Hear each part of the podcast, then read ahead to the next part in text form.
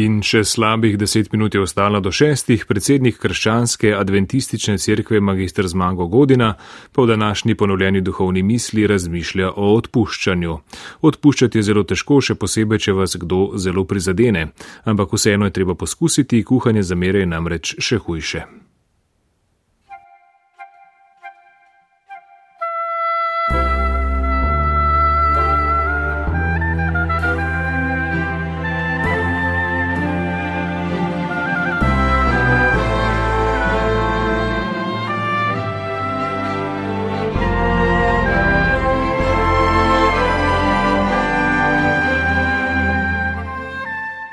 Vas je že kdaj kdo resnično globoko prizadel?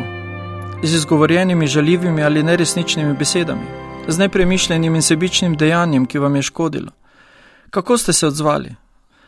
Ste kaznovali osebo tako, da z njo niste želeli komunicirati, posledica česar so bili tihi dnevi, tedni, meseci ali celo leta? Ste se storilca začeli izogibati, seveda na načine, ki so mu to dali povsem jasno vedeti? Katerega koli od naštetih ali pa drugih načinov poravnavanja računov ste že uporabili, ste zagotovo ugotovili, da ne delujejo.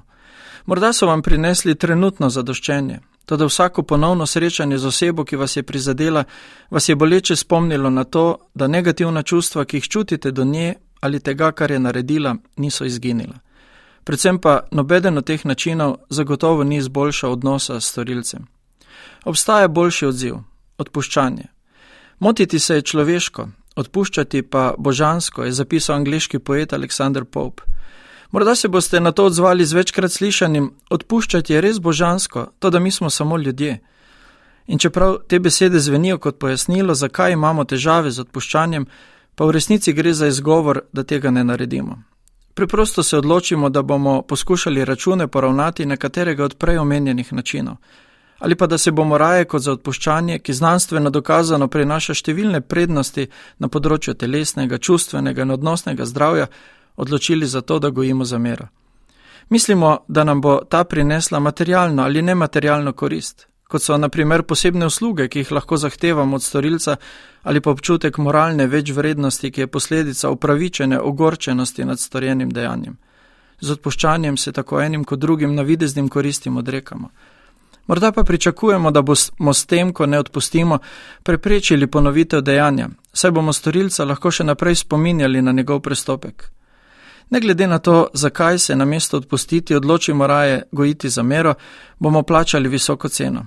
Zavračanjem odpuščanja se namreč odrekamo možnosti za srečo, ustvarjamo niz negativnih čustev, ki so popolnoma nesmiselna in presplodna in ki poleg tega, da škodijo edino nam, ne pa tudi storilcu, vodijo le do vse večje zagrenjenosti. Nekdo je rekel, da je ne odpustiti enako, kot če bi popili stekleničko strupa in pričakovali, da bo umrl kdo drug. Zato vas danes vabim, da upoštevate na svet iz pisma Kološanom. Odpustite, če vam kdo stori kaj slabega. Odpuščanje je dejanje dobre volje, ki žrte osvobaja negativnih čustev do storilca ter s tem želje pogojitvi zamere ali pomaščevanju. Toda poleg te čustvene dimenzije odpuščanja obstaja tudi odnosna.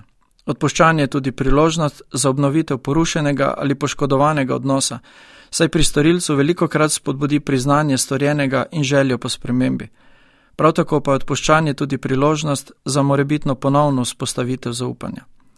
Odpuščanje ne pomeni, da bomo pozabili to, kar nam je bilo storjeno, pomeni pa, da prestopka ne bomo več omenjali.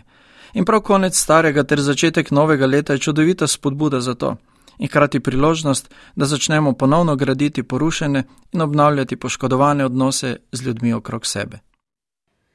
thank you